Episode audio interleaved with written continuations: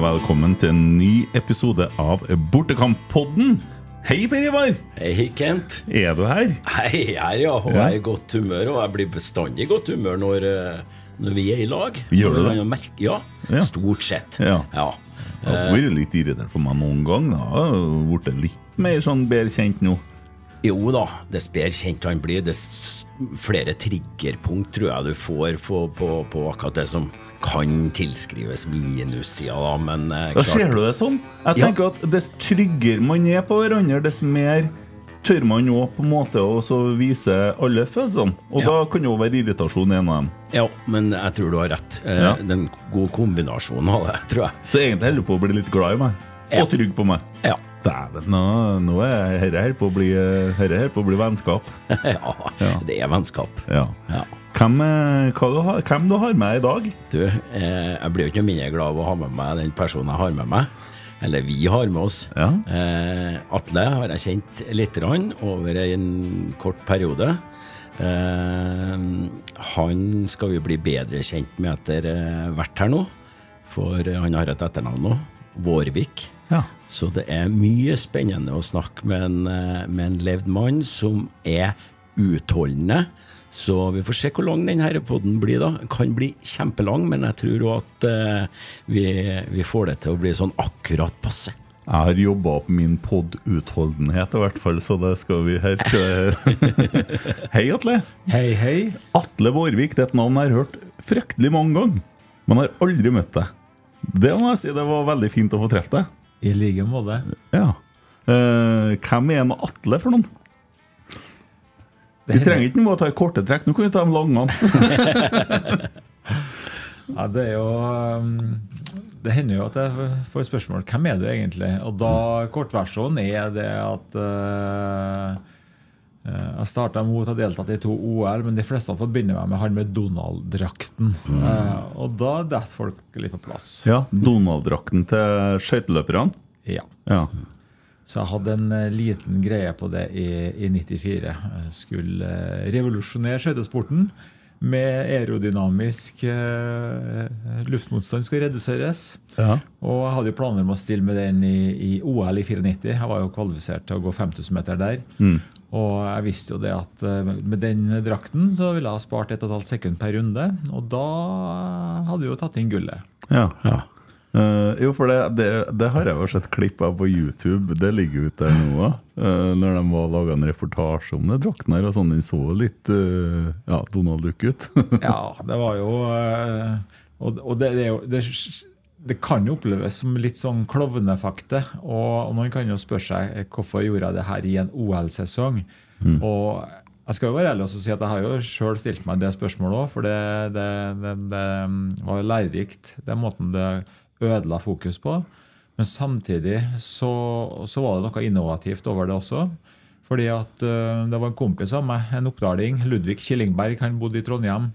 Og han ringte meg i eh, desember 93, og da gjorde jeg det eh, ganske bra på, på skøytene. Um, kvalifiserte til v-cup og gjorde det brukbart der. Og så er han en liten sånn Petter Smart, så han øh, skulle bygge om mikroflyet sitt for å få det til å gå fra 55 km i timen til 60 km i timen. Og da måtte han gjøre noe med røren, ha på sånne spoilere. Og så hadde han bare våkna i natt. Det er hans ord, da.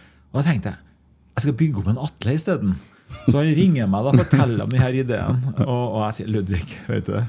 Eh, det her OL-et skal jeg gjøre det jeg kan for å bli kvalifisert med. Og jeg skal ikke bare være kvalifisert, jeg skal gjøre det bra, så jeg må ha fokus. Ja.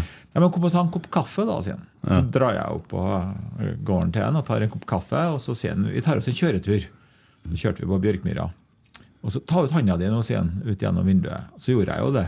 60 km i timen og kjenner at handa blir dratt bakover. Og så gir han meg en vinge som jeg skal tre på handa. Så tar jeg ut den og kjenner jo at wow, Mye mindre motstand. mye mindre motstand. Så sier jeg til Ludvig jeg er solgt. Ja. Dette kjører vi på med. Det var researchen sin. Var, så den holdt vi hemmelig til tre dager før OL-start. Og da sa jeg til landslaget og, og til treneren at jeg hadde tenkt å stille, men jeg hadde jo jobba for å få akkreditering og det som var til Ludvig. Det var selvfølgelig totalt nei. Eh, og så, så det, var ikke, det var jo ikke helt bra. For to uker før OL så gikk vi kvalifisering, siste kvalifiseringsløpet. Og da gikk jeg jo likt med Kjell Storeli, som tok sølv. Det var beste, jeg var i min livs beste form. Så drar jeg rett hjem og begynner å jobbe med denne drakten. Uh, finpusse på den, går testløp på Leangen, og holdt på sånn, og det er da mindre enn to uker til OL. Og, og, så det er jo det er det som også har skapt mot selvfølgelig den her innovative evnen. eh, Men det er veldig lærerikt også i forhold til det å holde fokus. Ja. Du kunne jo ha blitt skøytesportens svar på Jan Boklöv, det var vel han som starta med V-stilen først, f.eks. Altså, noen må jo være først.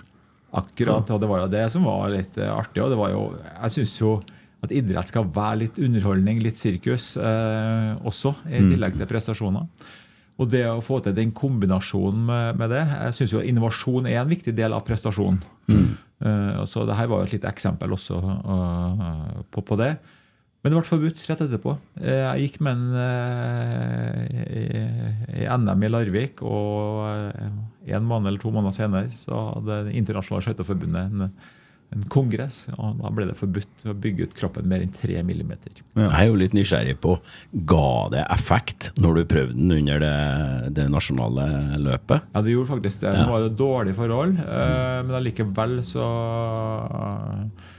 Så mm, ja, var jeg rett bak Kåss da, eh, på, på, på 3000-meteren, som ble bytta ut med 10 000. Jeg skulle egentlig gå og av 10 000-meteren. Men det er jo desto bedre forholdene har vært, desto mer har en hatt igjen for det. For Hvis du dobler farten, så firedobler du jo luftmotstand. Mm. Så Eh, Men eh, vitenskapelig sett, da, om det hadde en effekt En professor ringte meg da fem-seks år eh, etter eh, OL og lurte på om jeg kunne få testen i vindtunnel. Og med da samme type trikk òg. 1,7 sekunder per runde i 5000 meter fart. Ja. Ja. Det var en viss tunnel. Så det var Enormt. enormt, egentlig. Så det var, det var revolusjonerende hvis det har kommet og gått med. Men, Ja. men, men hvordan følte du deg da, etter, etter eh, at det var njet fra, fra eh, at du fikk ikke bruken i, i OL? Var det et nederlag? Var det Ja. Nei, akkurat der og da så, så var jeg nok ganske god på det å skifte fokus. Mm. Så Sånn at eh, akkurat der og da gjorde det jo dårlig under OL, og jo, da tenkte jeg jo at formen svikta. Eh, sånn, og sånn. Men i ettertid så tenker jeg det at eh, Det hadde med fokus å gjøre. ja, i hvert fall Hvis jeg har vært trener for noen som uh, har holdt på med noe sånt rett før OL, jeg bare revet meg i håret og sagt du er gal, mann. Så, eh, Men for meg så var det ganske selvfølgelig akkurat når du er oppi det. Ja. Men eh, leser litt om deg. Du begynte jo veldig tidlig å konkurrere, kanskje mot deg sjøl. Eh, ser du var 13 år når du sykla Trondheim-Oslo. Ja, og det, mm, det er jo lett å, å klappe seg sjøl på skuldra eller få kred for det. Men der, jeg har vært veldig heldig. Jeg har hatt mye omgivelser rundt meg som har uh, vært gode til å vise meg tillit, til å løfte meg. Um, det har vært veldig lærerikt også i, i oppbygginga av eh, mot og drive og mange andre ting. Og når jeg var tolv år, så er, det, er vi på vei til Spania med, med familien. da. Og vi står og heier på Trondheim-Oslo-syklistene, eh, faderen og jeg. da. Mm. og jeg er veldig ivrig da. Og da sier faderen skal vi sykle det her neste år igjen. Så, så, og jeg sier ja, ja, ja. Og jeg hadde ikke peiling på at det var 56 mil. Og, men året etterpå så står vi på startstreken sammen med 1000 andre. Og, og det er jo en helt spesiell følelse å komme i mål som 13-åring. Eh, for eh, det var litt sånn grenseland, eh, det at vi, vi gjorde det. da. Én ting er da i forhold til kroppen, det, det var ikke jeg noe sånn bekymra for. Men eh, moderen og tanter og onkler og besteforeldre de var jo ikke den særlig blide på faderen. Har du, tenkt, har du tenkt å ødelegge gutten? ikke sant? Ja. Men det som var kanskje større utfordring, var jo eh, i ettertid, når jeg ser det da, eh, nå, det er jo det at det var, mm, det var 17 års aldersgrense. Jeg var jo bare 13 år, så jeg skilte jo meg ganske bra ut. Ja. Men den gangen så kunne faderen ta en spansk en når han meldte oss på, og skrev på papir. ikke sant? Ja. I dag har du ikke gått det. vet du. Nei. Så du er den yngsten som har sykla Trondheim-Oslo? Det er nok det. Ja, Det blir sikkert sånn òg, hvis det er 17-årsgrense. Det blir nok det. I hvert fall Ja. den store styrkeprøven. Ja, det er kult. Mm. Ja. Uh, ja, og så sier du mot mange ganger her. Eh, mot kjenner jeg jo til. Uh, det vil si, jeg ser eh, eh, artistkollegaer som har vært ute og opptrådt eller jobba for Mot. Og jeg ser at det står Mot på masse fotballdrakter rundt omkring. Det har jo blitt en utrolig stor organisasjon. Hvor starta det hen, egentlig? Det starta rett etter 94, fordi at uh, da jeg gjorde det dårlig under uh, OL. Uh, og, og, hadde gjort det bra på v-cupene, så derfor så var skuffelsen litt stor. Og, og så er det liksom Det er ikke vits å grave seg ned i skuffelse. så det å ha et fokusskifte ble et viktig element. Det var da ideen til det som er mot i dag, dukka opp. Det å kunne gjøre en forskjell for unge mennesker. Bygge opp tankegang, eh, atferd til det enkeltmennesket. Og det å skape kulturer og, og miljø som tar vare på enkeltmennesket. 50-50-fokus. Mm. Så, så da dro vi i gang det. Dro jo rundt i Norge på folkemøter og skolebesøk og foredrag. og sånn, og så største prosjektet var en kalender. Den gangen kalte vi det for Norske toppresultater mot narkotika. Mm. For det var faktisk et, en viktig inspirasjon. Men vi snakka ikke om narkotika. Vi snakka om holdninger, atferd, verdier. Så vi skulle ta omveien eh, via det. Mm. Ja. ja. for det husker jeg jeg brukte, jeg brukte å tulle med dere før. For det var snakk om mot og sånn. Så nei, jeg er for. Ja. jeg er for. Men uh, for da, da, var det sånn Jeg har jo sett en del sånne kampanjer tidligere. Uh, når jeg gikk på videregående, som er veldig veldig lenge siden, så var det veldig mye sånn antikampanjer. Og, og, da var det som, ikke mot som imot i brøstet, men mot å være imot. sant? Og si nei. Uh, og, og, min erfaring var jo at når jeg ble rusfri, det var at jeg lærte meg å si ja. Mm.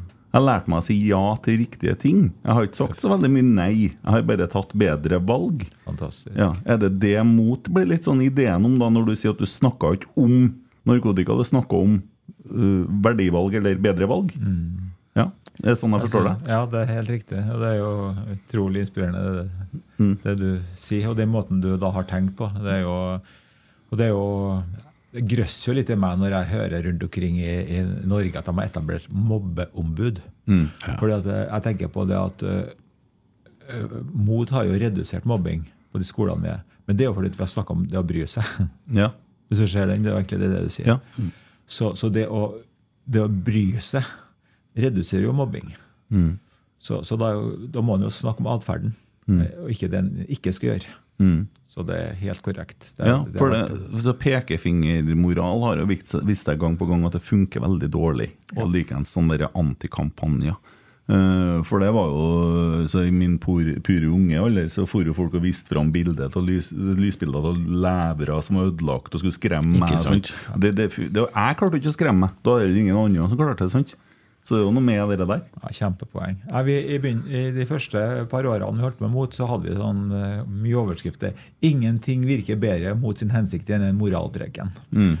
Og det, det, var for å tydeliggjøre hva, hva, hva mot handla om. Mm. Og så har vi jo godt av moralpreken innimellom òg, så, så, derfor så er det jo en sånn sannhet med visse modifikasjoner. Men eh, da skal du ha plattformen. Den her mm. tryggheten dere snakka om i begynnelsen. Mm. Når, når den er der, så, så, så, har vi godt av også tydelighet. Det har vi. Eh, men eh, når den tar eh, dominerer, da virker sannsynlig mot sin hensikt. Mm. Godt å høre. Ja. Når du ser, ser, Du var jo ganske mange år imot, ikke sant? Hva du, hva du er mest stolt av på den reisen? Um, jeg har hatt veldig sånn forkjærlighet for helhet og for langsiktighet. Så jeg var jo leder og entreprenør for MOT i, i 27 år, fra 94 til januar i 2021. Mm. Så, så den, det, den utholdenheten da, og helheten, det her, det her, den kontinuiteten da, mm. det, det, høres jo ikke noe spennende ut å si det, men, men det er nok eh, det å gidde. Mm. Og det å gjøre det. Og det å ha klokketro på akkurat akkurat til samme tankegangen som en starta opp med. På det jevne. Det her det dreihjulet som er tungt å dra i gang. og det bare, ja, det er jeg er veldig stolt av det, det må jeg bare si. Eh, det å ha så klokketro. Og så, når vi da slutta med, mot, eller, så, som leder, Så var vi i fire verdensdeler, så det er jeg også sånn stolt av. At vi, vi greide å spre det til fire verdensdeler, seks land. Og den effekten det har hatt på noen av de her ungdommene i Sør-Afrika, da, mot det Sør-Afrika, og vi har vært gode der, Sigrun og jeg, kona. Og, og, for hun var internasjonal leder eh, for MOT. Og den, når de ungdommene der forteller hvilken effekt det har hatt på dem, eh, det å ha håp Eh, Jeg vet jo at noe essensielt til dere òg handler om håp. Og den krafta som ligger i håpet, er helt enorm. Men du må gi menneskene en mulighet til å tenke at det finnes håp. Og nedi der så har mot bidratt til det. da. Så, så det Ja, på, på hvilken måte sånn eh, Er det inni skolene i, i Sør-Afrika òg? Ja. På samme måte som det er i Norge? Ja. Så MOT eh, har jo da program i ungdomsskolen og program i, i videregående. Det er jo ungdommer som er hovedmålgruppa. Og så har vi da tolv økter mm, på, på videregående og tolv økter på, på, på ungdomsskolen. eh, Med da oppfølging i, i, imellom. Og de øktene varer jo mellom 90 minutter til, til tre timer. da. Og, og det er bygge opp robustheten hos den enkelte ungdom. Og bygge opp inkluderende kulturer på skolen og i klassen. 50-50. Uh, og en del spør meg hvor, hvor har du den filosofien? For jeg er så, jeg er så klar og tydelig på den 50-50-delen. Og det var jo samme eh, som det her året jeg var inne i Drive også. Det å kunne kun balansere det. Så du ansvarliggjør enkeltmennesket. Det er litt sånn som du sier, Kent, om deg sjøl. Det høres ut som du ansvarliggjorde deg sjøl for å, å ta tak i det. Og så er vi avhengig av andre. Og, og den, når jeg var jeg har en far som har jobba i fengselet eh, i mesteparten av yrkeskarrieren sin. Og han jobba da også en periode i, i fri, så frigangsavdeling. Det betyr at når fangene da hadde eh, tre måneder igjen av soningstida si, i hvert fall en del av dem, da, så skulle de akklimatisere seg til, til, til samfunnet og arbeidslivet. Og, og da var det ene jula, så hadde alle fått permisjon, bortsett fra én. Han kunne ha fått permisjon, han òg, men han hadde ikke noe plass å dra. Eh, eller det var ikke noe plass han ville dra, rettere sagt. Så da ble vi enige i familierådet om at eh, han kan feire julaften hjem til oss, for da kan jo faderen også være hjemme. Og eh, I begynnelsen så gleda jeg meg, men på lille julaften så begynte jeg å kjenne litt på hva, hva setter han inn for, egentlig. og så fortalte jo faderen da om at eh, ja, han eh, har jo vært hard på, på stoff da, og både smugla og brukt og rana og banka. og Det var litt av min nyliste faktisk han hadde på, på, på CV-en sin. Og så, så da kjente jeg på klumpen i magen. Jeg, jeg gjorde det. Og så kommer han hjem til oss på julaften. Jeg, jeg begynte å grue meg for at, hvordan ville huset vårt se ut første juledag. For han skulle ligge over til første juledag. Og det, jeg, jeg tar jo så feil som går an å få tatt. Helt fantastisk type. Ja. Åh, jeg blir nesten mer ivrig på å prate med han enn å åpne pakka. Um, og det møtet, det gjorde noe med meg. Jeg har satt spor forover. Fordi at eh, jeg har jo møtt mennesker som har hatt det verre oppvekst enn han. Uh, som driver egen business, som har klart seg bra. Han har, eh, han har rota bort livet sitt. Og han hadde jo da, når han snakka om sin ungdomstid og barndomstid, så hadde han jo større talenter på de tingene som jeg ønska å være god på. Jeg ønska å være god på skole, idrett og musikk. Han måtte jobbe knallhardt for å være brukbar på skole, og knallhardt for å være, ikke ha sisteplasser i idretten. Eh, og musikk var jeg jo helt talentløs på, så jeg var litt misunnelig på han egentlig. Men han hadde sløst bort det talentet sitt. Oss, men så skjønte jeg jo det etter, utover kvelden at jeg hadde jo vunnet i foreldrelotteriet, lærerlotteriet og klasselotteriet. Så jeg var ikke, da var ikke jeg så misunnelig på han lenger. Jeg har vært veldig, veldig heldig. Eh, Men, men det var nok en viktig element for at jeg i dag gjentar og gjentar at mennesket er skjørt og sårbart og et produkt av sine omgivelser, omstendigheter og sin oppvekst. Og samtidig så ser jeg at mennesket er robust og motstandsdyktig og kan bestemme sin egen fremtid uavhengig av oppvekst, omgivelser og omstendigheter. Og de to tingene krasjer jo. Paradoks, ja. Ja, men det er sannhet av begge deler. Så, så når vi jobber med ungdommer i Jord imot, mm. så, så er det ansvarliggjort det enkelte. Ja, men ja, hva kan du gjøre? Hva kan du ta tak i? det, det, bygge opp robustheten. Mens til klassen Hva kan dere gjøre for å ta vare på en Per Hva kan gjøre ta vare på en Kent? Ja, Vi kan kanskje si mer hei, vi kan kanskje gjøre sånn, vi kan kanskje klappe på skuldra, vi kan uh, slutte å himle med øynene. Ja, alle de her tingene. da. Bra. ikke sant? Og vi er avhengig av begge de to tingene. Enkeltmenneskets kraft må vi bygge opp, og gruppa sin kraft må bygges opp. Eh, underveis, da, som du uh, har mot, da, er imot, så dukker det opp eh, noe som heter internett. Og ja, 2000-tallet og fram til i dag så har det jo utvikla seg kolossalt. Og nå er det jo ja, en stor utfordring på mange måter, hvis vi snakker én ting om skjermtid og sånn og sånn, men jeg tenker på da nettmobbing og alt det som skjer der. Er mot noe inn på sånne ting?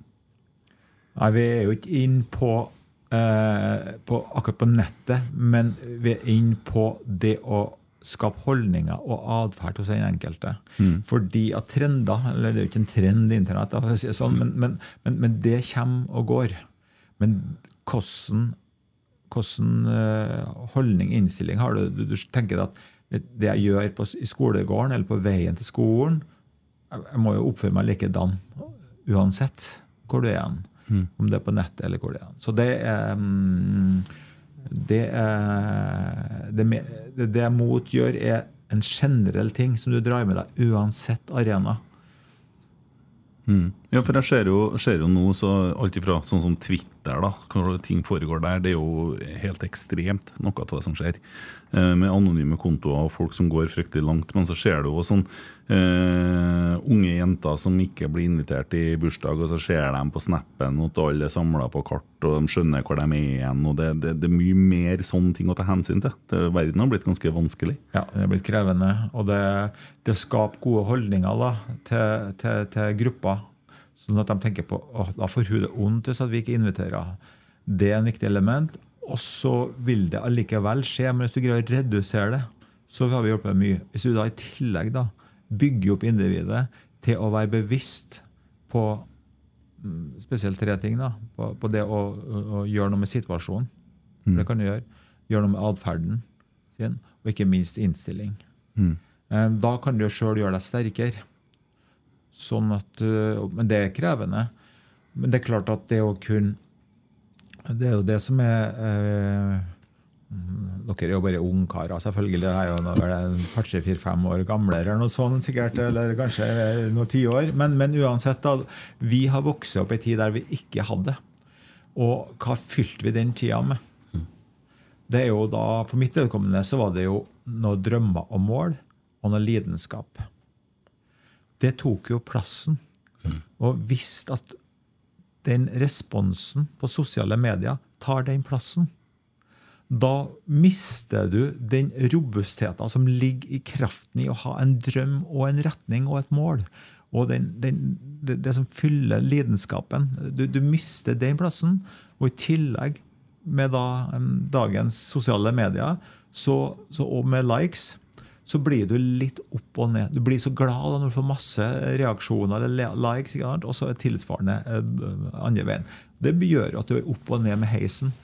Det betyr at vi får mye skjørhet og sårbarhet, som igjen blir utfordring for psykisk helse. Og det å lære og å bevisstgjøre eh, de unge menneskene på den effekten, det tror jeg er en viktig element i dag. For det er så lett å bare automatisk bli med på det. Så du trenger noen bevisstgjøringselementer, og det hjelper jeg mot til. Ja, det er ganske store utfordringer som verden står overfor når det kommer til sånne ting. Jo, men det han sier nå, ikke sant, at, og, og som vi er enige om, det er mer komplisert å vokse opp i dag. Og at et av elementene er at du tar bort det som for de aller fleste av oss eh, var eh, passion vår. Det var det vi la mesteparten i potta på, i tillegg til skole og, og venner og sånn. ikke sant? Idrett eller annen type aktivitet. Det kommer mer i bakgrunnen for, for den vanlige ungdommen i dag. For det tar Altså, det bytter ut med at du skal prestere i sosiale medier og være, være der da, med mest mulig likes, mest mulig positiv oppmerksomhet. Da er det klart at eh, lar vi det fortsette, så har vi jo bare sett starten på eh, et, et nytt samfunn, egentlig. og et ikke så godt samfunn som, som eh, har forskjellige personer, der det er enklere da, for enkeltindividet å være den beste utgaven av seg sjøl. For du har en sånn positiv drive mot det du eh, er interessert i. Så, så her er jo eh, ja, veldig sånn eh, altoverhengende, da. Som Men spørsmålet er jo hvordan kan, kan, vi, kan vi få til å reversere noe av dette her, da? Hva tenker du, Atle? Jeg tenker det at det, Å reversere den utviklinga er eh, krevende. og Jeg, jeg tror ikke vi kommer til å gjøre det, og ikke sikkert det er ønskelig heller. Men jeg tror at vi kan håndtere det. Hjelpe unge mennesker og voksne mennesker å, å håndtere det. Det tror jeg vi, vi kan greie i mye større grad. Og da handler det om eh, bevisstgjøring på det. Og også ikke bare til ungdommene, men, men til foreldre eh, og voksne. Fordi at vi, vi blir rollemodeller for, for de unge. Og det er klart at uh, ble du mobba på, på, på skolen i good old days, før min tid òg, så bare kom du hjem på gården, ikke sant? og så satt da bestemor eller bestefar der. da, Det er ikke noe å bry seg om. det, Du går her nå, ja, og hadde mange timer hvor du da kunne slappe av. Mens i dag så får du ikke fri. Du kommer hjem, og så er det Fortsetter. Du fortsetter det hele, hele tida. Det går an å gjøre noe med for den enkelte. Ikke kutt ut internett eller sosiale medier, men, men bare eh, gjør noe med det. For det er så mange fordeler med det også. For mange, mange som er eh, kanskje ikke har venner på skolen, de har venner gjennom nettet. Og Det gjør at mange blir overraska når du faktisk har et sånn stort sosialt nettverk. Ja. Som kanskje foreldre engang ikke vet om. Og Det er jo veldig fordel. Mm. Så, så det, det er plusser og minuser med alt sammen. Må, det, men det er liksom sånn, du må lære deg å bruke verktøyet. Det, det er vel egentlig det. Og, og, og da er det som er mest krevende tror jeg nesten i dag, det er det at vi foreldre også blir hekta på den der. Eh, og da blir vi dårlige rollemodeller eh, på det. Så vi, vi blir en sånn Hvis foreldre er skjøre og sårbare pga.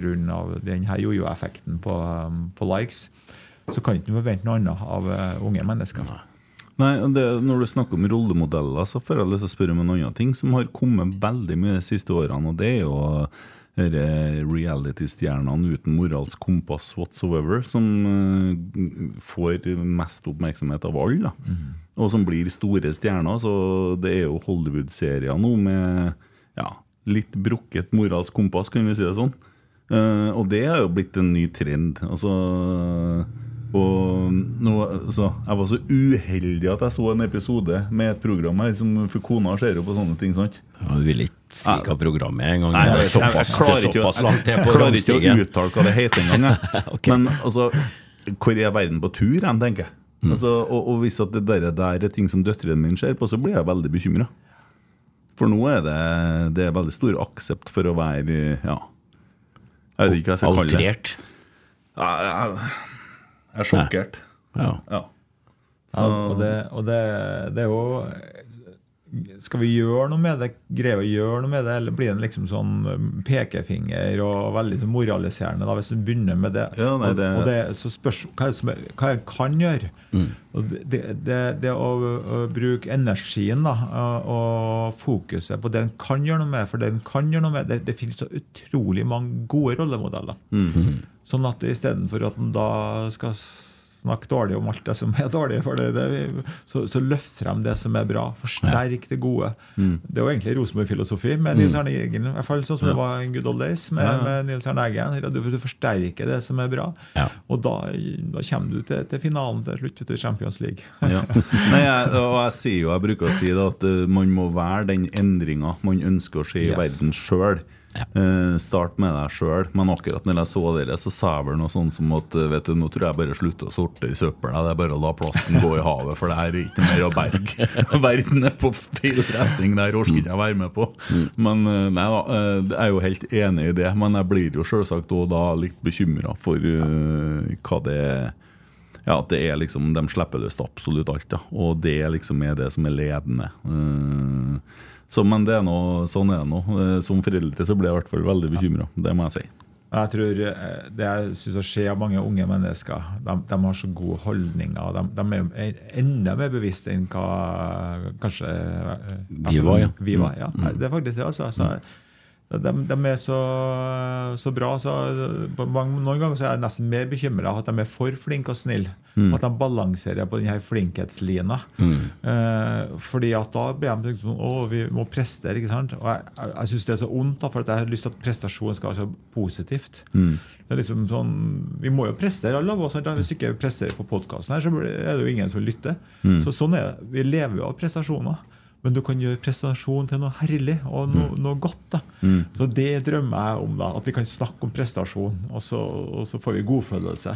Ja. Det, det, det syns jeg er en eh, viktig element. da. Og jeg syns her mange ungdommene i, i dag de, eh, de, er så gode holdninger. Og, og så er det det at de tingene som vi tenker på oh, Hallo, dette fortsetter nå den retningen. Men så, så skjer noe. Du ser tilbake da, i historien, så, så har du sykluser på alt sammen. Mm. Så, så eh, liksom, når Facebook kom, så tenkte folk at det er ungdommene. ikke sant? Men ungdommer er jo ikke på Facebook i dag. Altså, nå er det voksne igjen. Så, så du ser, det er sånn trender. Så ungdommene tar tak i det litt sjøl. Det er noe med det. Så De trenger guiding mm. og bevisstgjøring. Det, det trenger vi. Og det, og det å få styrka motet sitt inspirasjon, bevisstgjøring og det å få styrka motet sitt. Mm. Det trenger alle mennesker. Og når du da er i en rivningsalder på hvem du er, og, og du himler med øynene, og sånn, da trenger du enda mer enn en noen gang for mm. å få en indre trygghet. Mm. Har du noen gang mista trua på deg sjøl? det høres kanskje ikke sånn ut. har du noen gang tenkt at du nesten nå er til gi opp? altså Noe er tungt å bære? eller? Ja. Tungt å bære? Ja. Eh, det, det har det vært. Mm. Um, men jeg har faktisk aldri fått det spørsmålet. Uh, og ja, Du snakket om prestasjon i pod, så jeg tenkte jeg skulle slå til litt. ja, ja, ja, jeg, har hatt en indre trygghet. Nei, det, det, betyr ikke at jeg er superrobust. Jeg tror derfor vi har lyktes med mot. Jeg har sittet i bresjen for filosofien og programmene. Det er fordi at jeg har en 50-50 side i meg. Mm. På at jeg er skjør og sårbar, og at jeg er robust og, og sterk. Mm. De sidene kan du hele tida justere, eh, men eh, da må du være bevisst. Men hvis jeg ikke er bevisst, og ikke går på, hvis jeg bare er på autopiloten, så kjenner jeg jo på begge de, mm. de to, to, sidene. Men det å være sårbar og skjør betyr ikke at du ikke har en indre trygghet. Kan, du kan både være veldig skjør og sårbar, pluss ha en indre trygghet. Og det tror jeg nok at jeg har eh, vært veldig heldig med. Og det skyldes jo at jeg har vært eh, hatt tanter, onkler, besteforeldre, foreldre som har eh, gitt meg mye kjærlighet. Mye, mye, jeg var, var første barnebarnet på begge sider. Hatt sikkert fordel av det.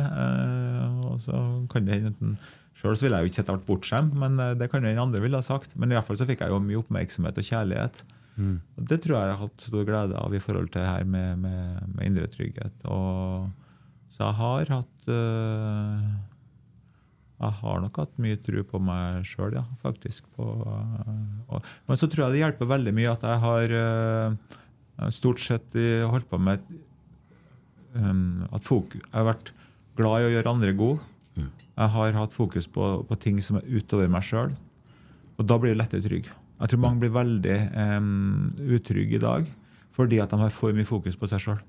Mm. Så hvis du bare løfter fokuset bort fra deg sjøl på noe som er større ja. så, så, Og der tror jeg også i forhold til det her med, med psykisk helse at Jeg tror at uh, bare sånn gjøre enkle ting Hvis du sitter på morgenen og tenker på hva var jeg takknemlig for i går?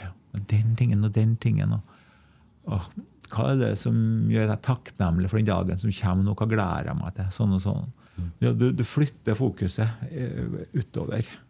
Sånne bittersmå ting gjør gode gjerninger for andre. Mm. Mm. Så det, det, tror jeg har vært et godt element for at jeg har trua på meg sjøl. Mm.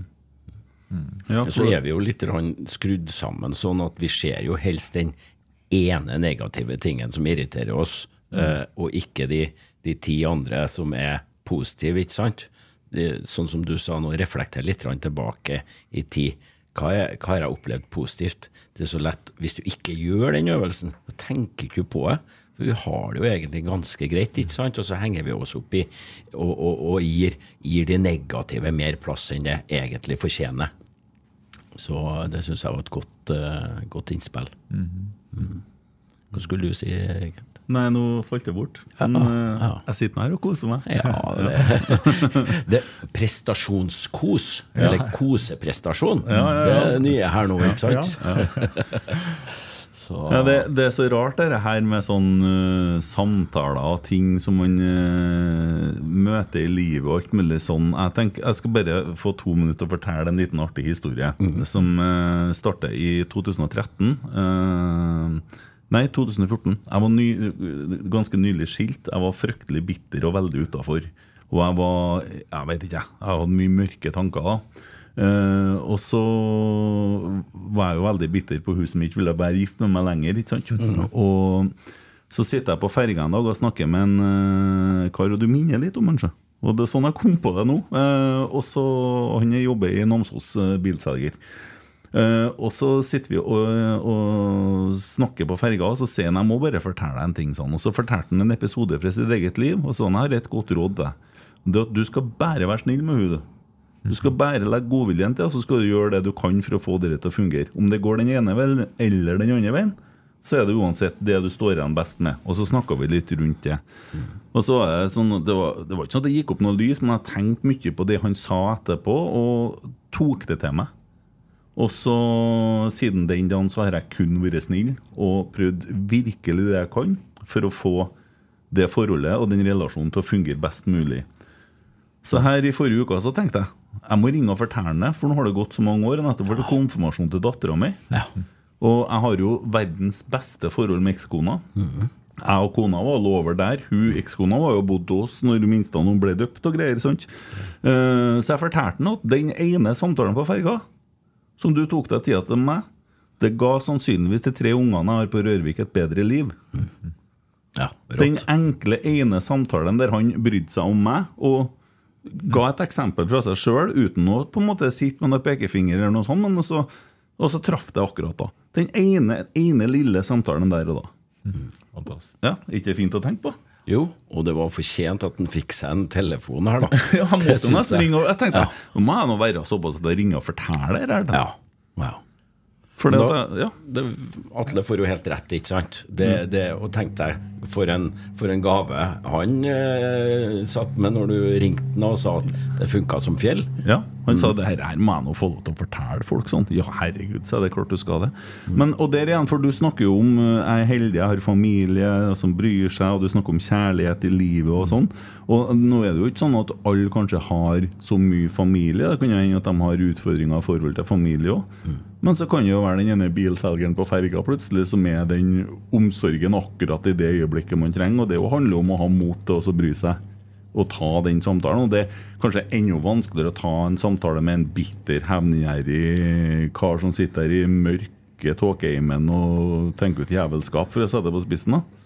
Og, og, det å greie å møte den personen da på følelsene der den personen er, det, er jo, det krever jo mot. da.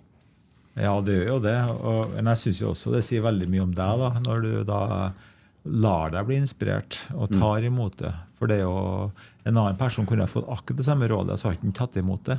Mm. Så, så, eh, du må jo klappe deg sjøl litt på skuldra for at du lot deg bli inspirert. For det er, det er også stor forskjell på folk. Så uh, folk uh, ser på samme filmene, de ser på, leser de samme bøkene, og de snakker veldig forskjellig om de samme filmene og seriene. Ja. Og så, så, det, det, det uh, ja, ja.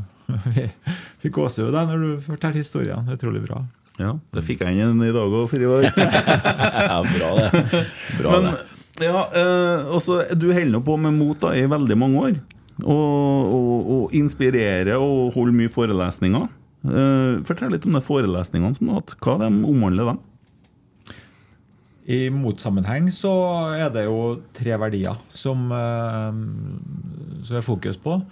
Eh, vi hadde jo da det mot å bry seg, mot å leve og mot å si nei. Mm. Og det er jo egentlig hvor enkelt kan du gjøre ting? Eh, mm. Albert Einstein sa jo da 'gjør det enkelt, men ikke enklere'. Mm. Og, for da blir det lettvint.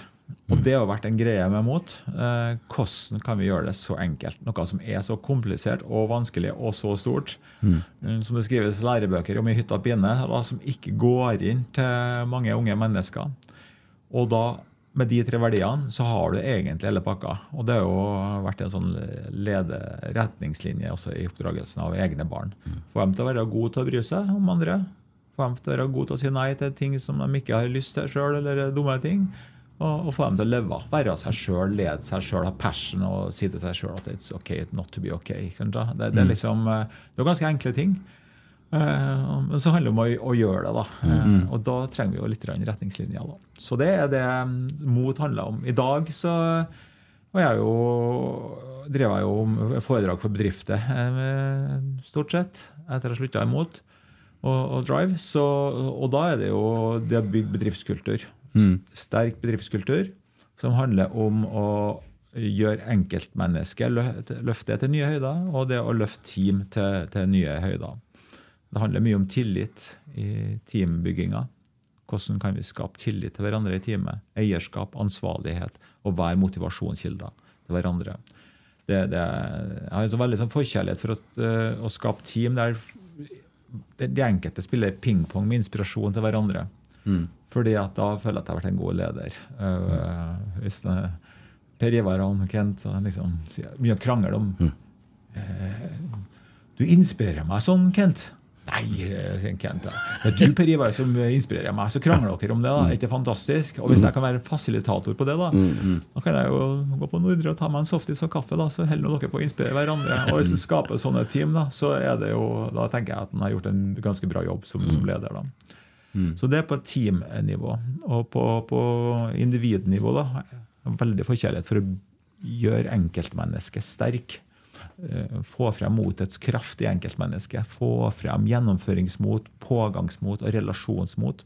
Mm. Det å få frem entusiasmen i, i det enkelte. Jeg har jo sansen for Petter Stordalen, men det, entusiasme er så mye mye mer da, enn å stå på bordet eh, med kroppsspråket. Det, det handler om å lytte lagt merke til noen mennesker som ikke sier et ord, og så føler jeg at de er entusiastiske likevel. Bare på måten de lytter på. De er nysgjerrige. Um, så, så, et lite mantra for meg har vært i, for meg sjøl og internt i mor har vært lær av alt og alle. Det, det, det, det, betyr ikke at en skal ta til seg alt, men du kan lære av alt og alle. Mm. Og så er det det som er den største suksessfaktoren i enhver virksomhet som lykkes over tid. og Det er gjennomføring. Og det, å, å, så det, det, er det jeg formidler da, til, til, til bedrifter. Få team og enkeltmennesker til, til, å løfte seg til nye høyder. Og gjennomføring handler jo mange ganger om å endre en vane. Mm. Så det så jeg har sånn forkjærlighet for 30-dagersen. Eh, det gjør det her i 30 dager, og du vil gjøre det resten av ditt liv. Så det gir deg bestandig en utfordring før jeg avslutter et foredrag. Hva er det du vil trene på mm. for å styrke lagånd?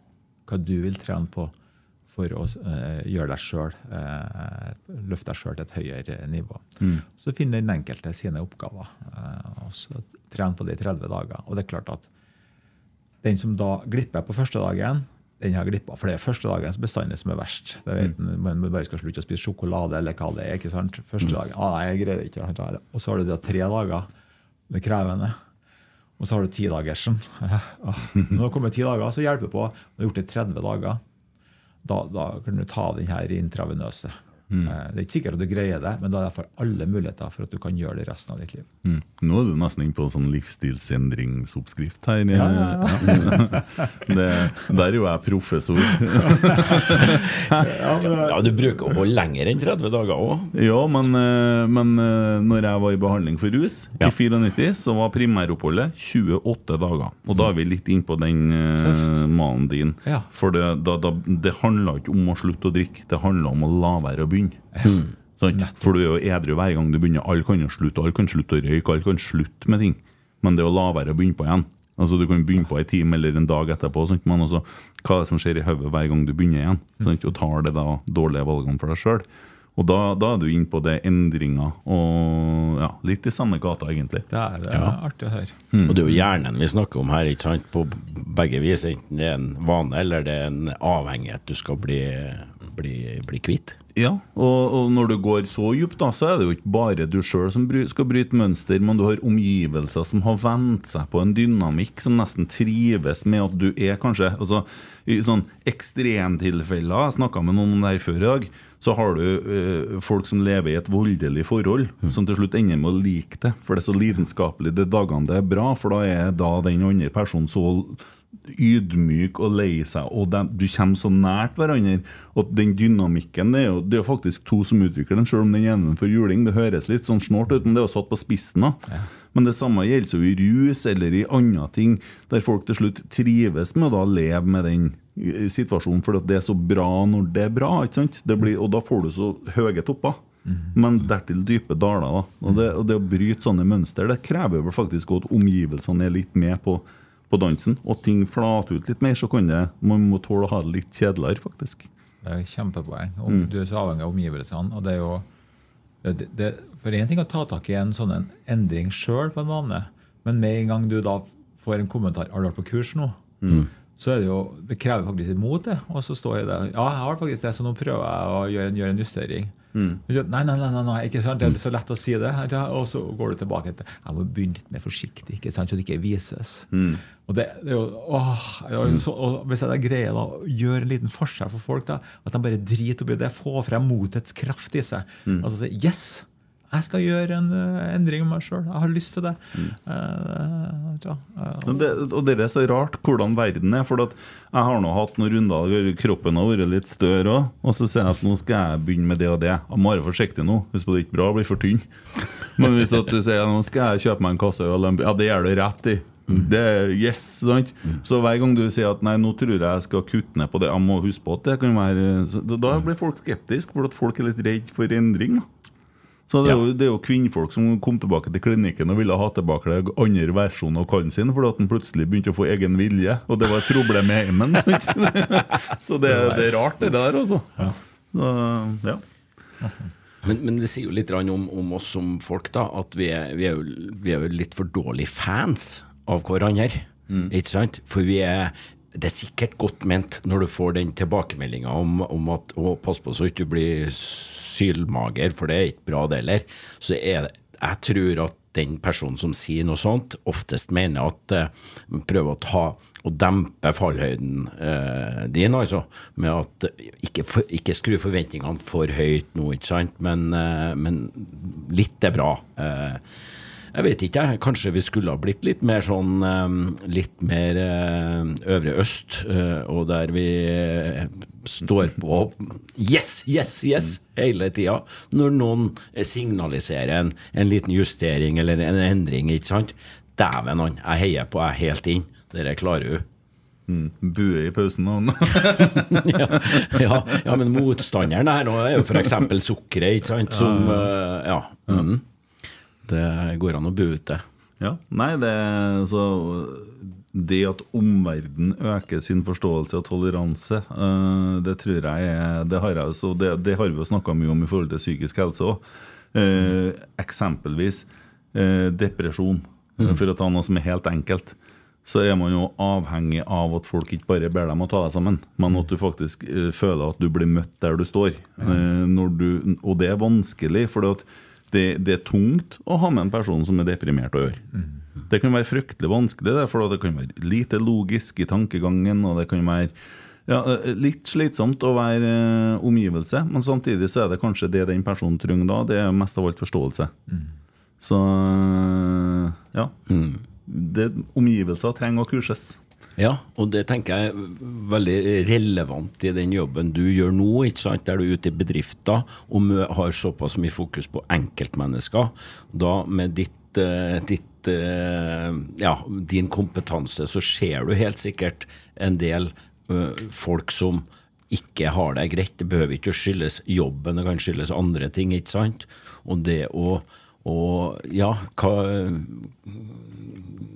det er jo veldig individuelt det der hva, hva plagene er, og hvordan man uttrykker det og, og sånne ting. Men, men har du noe, har du noe, noe verktøy du bruker i forhold til, det, til å løfte opp dem som har en, en psykisk lidelse, da? I forhold til Du, du har jo da igjen Da er jeg på jobb, altså. Enkelt, ja, både enkeltmennesker og, og grupper. Jeg tror jo at mange har omgivelser rundt seg, grupper rundt seg, som er som gift for psykisk helse. Sånn at eh, det, og det dere snakker om her, det å bli tatt på alvor, det blir lytta til. Um, det å snakke med og ikke om. For er det kultur på en arbeidsplass der det snakkes om mer enn med, så tenker du at det gjør de også med meg. Det er jo veldig dårlig for psykisk helse. Ja. Det å ha tru på folket. Eh, selvfølgelig lederen har tro på, på, på, på, men også på hverandre. Og det å, å når Jeg tror at når vi da deler inspirasjon og ideer med alle Mm. at det Ikke ikke bare i ledergruppa, for f.eks. Ja, Du bare forteller om det, entusiastisk, så føler du at du er en del av noe. Mm. Det er en viktig element. Det å gjøre det en kan for å finne godfoten, det er der du har dine gaver, har du dine oppgaver. Vi har godt sagt. Det, jeg har bare stjålet det fra en filosof eller Nels Mandela eller noe sånt. Så jeg, Ja, ja, men og så er det det å føle seg ønska velkommen og verdsatt.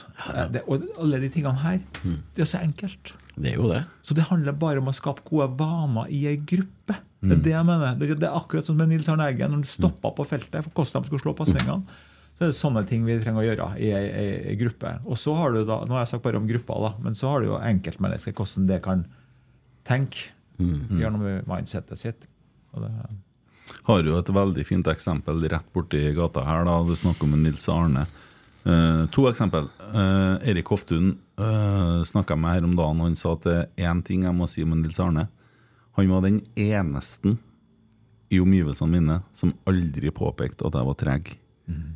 Nils Arne snakka kun om det Erik Hoftun var god på. Og mm. Erik Hoftun var treg. Men det var ikke det Nils Arne brydde seg ikke om det.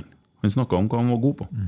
En annen ting med Rosenborg, det er Discovery laga en serie som heter 'Ingen banker RBK'. Eh, handler om sesongen 2016. Der har de med seg han eh, banemester Anders Øyen.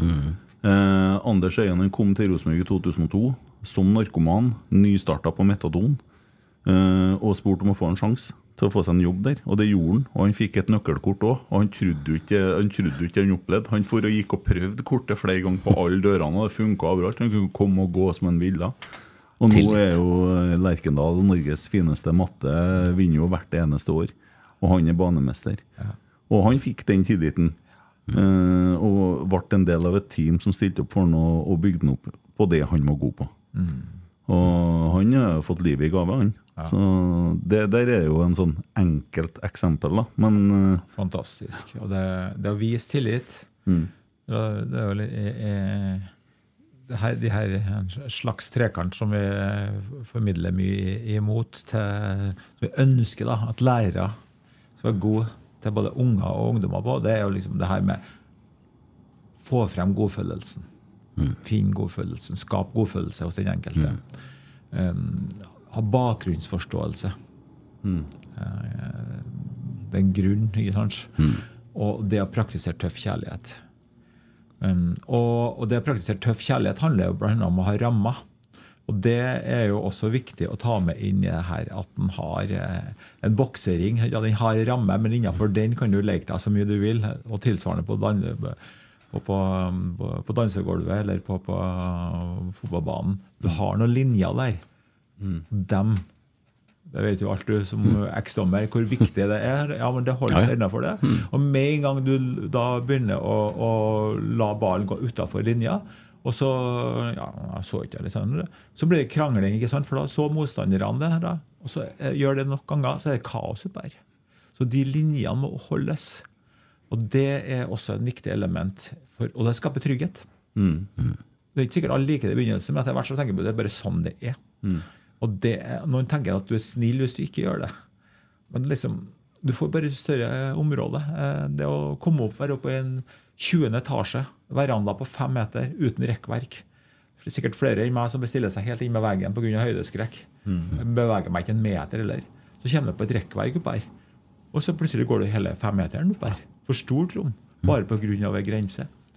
Så det er også en viktig mm, element. Det får til en kombinasjon med å skape godfølelsen. Bakgrunnsforståelse. Hvert enkelt individ er forskjellig. Det er øh, ja, på- litt på si nå. I tillegg til det med bedrifter, så, så har vi etablert et sånn ideelt AS som heter for Verdiskaper 1, hvor vi da for unge arbeidsledige Vi nettopp er ferdig med en, en, en, en 30-dagers, og da skjønner du at den ene som har vært med på det, han er 28 år, han har en historie med noen traumer. I tillegg da legger lista høyt. Så når jeg, når jeg spør hva, Hva drømmer du om? ja, hva drømmer du om, og likedan hva, hva har vært dine seire de siste eh, månedene her? Når vi, det var første gangen vi møttes. Og nei, jeg har ingen seire. Så han har lagt lista så høyt, så når han da er ferdig med 30-dagersen, jeg kjører et 30-dagersprogram, så så kommer han på rams. Det var en seier, det var en seier, det var en seier. det var en seier. Altså, det var ikke noe forskjell på situasjonen før og etter, men han begynte å legge merke til det. Bevisstgjøring. Ja. Og det gjør jo at han sjøl også skaper seg en, eh, en, en, godfølelse eh, rundt det. Og, og da er det noen andre da, som er med, som ikke har det problemet. Da er det helt andre ting. Så vi må ha bakgrunnsforståelse, så vi kan lage til individuelle oppgaver til, til, til hver enkelt. Hvor, hvor stor gruppe jobber dere med der, da? Denne gruppa var bare på fire stykker. Ja.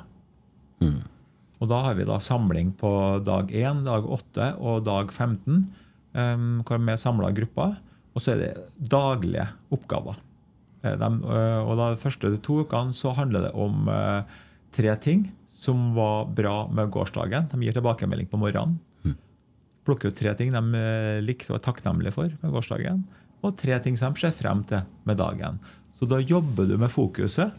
Og så De siste to ukene så har de individuelle oppgaver. Så, så en, eh, Han ene da, han jobba med det å legge merke til, til små seire. Andre jobba med helse og, og kosthold. En annen jobba med kommunikasjon. eh, Så de hadde veldig forskjellig ut ifra det vi har vært igjennom. Så det gir de tilbakemelding på, på og har dialog i, i 30 dager. Og på dag um, 22 og 29 så har det individuelle samtaler med dem på telefon, da, eh, hver enkelt. da. Så det er en 30-dagers med, med akkurat det her. Gjør det her i 30 dager, du vil gjøre det resten av ditt liv. Og mange spør jo at ja, men etterpå er det ikke noe oppfølging, da. Men da, du sa jo så godt, Kent, hva var det du sa? At det er ikke noe problem å da, Det er ikke noe problem å slutte, det er og lavere å begynne. ja, nettopp. Ja. ikke sant? Så da handler det rett og slett om det. At du, du bare passer på så ikke du ja, Men da har du hjulpet dem med den vanen. Ja. Og det å få hjelp til den vanen, det må man ha forståelse for at folk trenger. Ja. Men etter de 30 dagene, da er det opp til den enkelte. Og er du er, tar du ikke tak i det, da, er ikke det, det kan godt, da er i hvert fall ikke programmet vårt som skal hjelpe det. Nei. Men sånn er det vi, vi, vi Det er akkurat det at da eier man sin egen situasjon. Yes, og da har du ja, Herregud, hvor flink du er.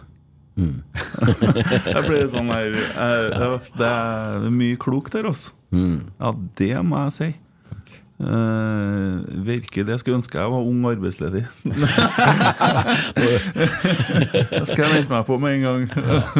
uh, uh, men også Du forlater jo Mot for noen år siden og begynner i Drive i stedet. Var det sånn at du da fikk et jobbtilbud og sa kom hit i stedet for å jobbe for oss? Var det så enkelt? Nei, det var det ikke. Det var Jeg, jeg hadde jo i, i 2004, eh, snart 20 år siden, så skrev jeg jo ned, og det er nedfelt i bok òg, at i, i 2022 så skal vi ha en ny leder imot. Da skal jeg trekke meg ut av mot. Fordi at jeg ønsker jo å være en entreprenør og leder som kan være stolt av å bygge opp en eh, robust organisasjon som en da kan trekke seg ut av. Så jeg har jo ikke vært avhengig av å holde på med mot. Det er så masse ting jeg kan øh, gløde for. da. Um, så, så jeg har ikke hatt noe sånn kontrollbehov. Jeg har bare hatt øh, behov for å ha kontroll for at mot har funka best mulig til å bli selvstendig. Sånn at uh, i januar 2021 så uh, avslutta jeg som leder, entreprenør, og sommeren 22 så uh, avslutta jeg bokskriving. Jeg skrev en bok om eh, robusthetens kraft det her med, mens jeg også var i, i Drive. Og, og også den mentale forpliktelsen. Men når jeg da signaliserte i januar 2021 at jeg skulle uh, at jeg slutta og skulle egentlig begynne med bedriftsforedrag, så tok han eh, eieren og, og daglig leder i, i Drive, eh, eller Kjør for livet, da, eh, Knut Ove Børseth, og tok kontakt med meg umiddelbart. Og da ble det jo satt på hold, den her eh, bedriftsdelen. Så ble det et fantastisk år. I, i, i, i, ja, det omskapet Kjør for livet, da. Eh, til, mm, til Drive. da, så Bygd opp som en merkevare. Knut Ove ønska at vi skulle bygge det opp som en nasjonal merkevare. og Fikk vi satt konseptet i et system og etablert en egen filosofi. Så det var, et, det var et virkelig en eventyrår. Fordi at det var en så sulten organisasjon på endring eller forbedring. Sånn at uh, det vi fikk til på ett år, det, det, det hadde alle i verden drømt om. Mm. Fordi at Som regel så er det veldig mye motstand i en organisasjon Mm. når det skal bli så store endringer. Men der var det en mottakelighet som var helt, helt uh, rå. Og så ble det mye det ble, var, Tanken var ikke helt sånn i starten. Jeg skal være litt mentor, og, og vi skal bruke litt tid på det. Men så um, ble jeg liksom, ja, både interimleder og medskaper og uh, litt av hvert her. Så da fikk vi gjort eh, unna veldig mye på, på det året. Så, uh, så har det blitt da den her eh, foredrag for bedrifter om bedriftskultur, som er det primære, pluss da litt på side å gjøre unge arbeidsledige enda bedre rusta. Mm. For en reise. Ja, men det er jo en rød tråd i det. Ja, det det, er det. Det er handler jo om det du, det du sa, sånn cirka midt i her, ikke sant. Det å finne noe som er litt større enn seg sjøl. Da har han det bra og bedre sjøl òg. Det har du gjort, for alt det du har gjort, har jo dreid seg om å, om å gjøre andre bedre. Fra 94 og, og, og frem til i dag. Det vil du helt sikkert ikke, ikke slutte med heller. Jeg, jeg, jeg, jeg kjenner jo at jeg er glød for det. Jeg syns det er veldig artig å kunne eh, styrke lagården igjen. altså den Jeg kommer tilbake, jeg merker det sjøl gang på gang. Den 50-50-delen. Enkeltmenneskets eh, kraft, få frem den. Lagårdens kraftteam, få få opp den. Og så og hekke det på prestasjon og gjennomføring. Jeg er ekstremt glad i eh, gjennomføring. For det hjelper ikke uansett hvor mye utdanning folk har. Hvis du ikke gjennomfører, så blir det ingenting. Så gjennomføringskrafta, den, eh, den må være der. Ikke, ja, altfor mange plasser det jabbes altfor mye og gjøres for lite. Ja, gjennomføringsevne er bra å ha. Det er det, ja. Mm. Det må vi ha. Det må vi ha. Hva tenker du, Kent? Jo, jeg begynner, Er du inspirert? Ja, det må jeg si. Eh, Jeg var jo litt sånn eh, Jeg visste ikke eh, så mye bakgrunn på deg. Det er så fint å sitte og få høre deg sånn på den måten her. Eh, Jeg tror du har gjort utrolig mye bra for veldig mange mennesker. Og det tror jeg du kommer til å fortsette med òg. Hva du skal bli når du blir stor, da? Ja, det er, det er et godt spørsmål, faktisk. Jeg, jeg, jeg har det sånn at jeg klyper meg sjøl i armen. For det er jo det har vært en sånn Jeg har jo liksom fått lov til å ha det artig nesten hver dag, syns jeg. Og han, han Konfusius, han eh, filosofen, eller sånn sa Finn en jobb du elsker, du slipper å jobbe resten av ditt liv. Og, og jeg har vel egentlig hatt det sånn at jeg har eh, følt at eh, at det har vært utrolig artig. Og, og du spurte jo Kent i sted om, om det har vært en belastning, eller jeg husker ikke helt hva du sa. og det er klart at det å ha det tungt og tøft og motstand og ha det At du knapt nok greier å puste, sant? det er ikke det en skal prøve å unngå. For det er en del av eventyret, det òg. Mm. Det er viktig.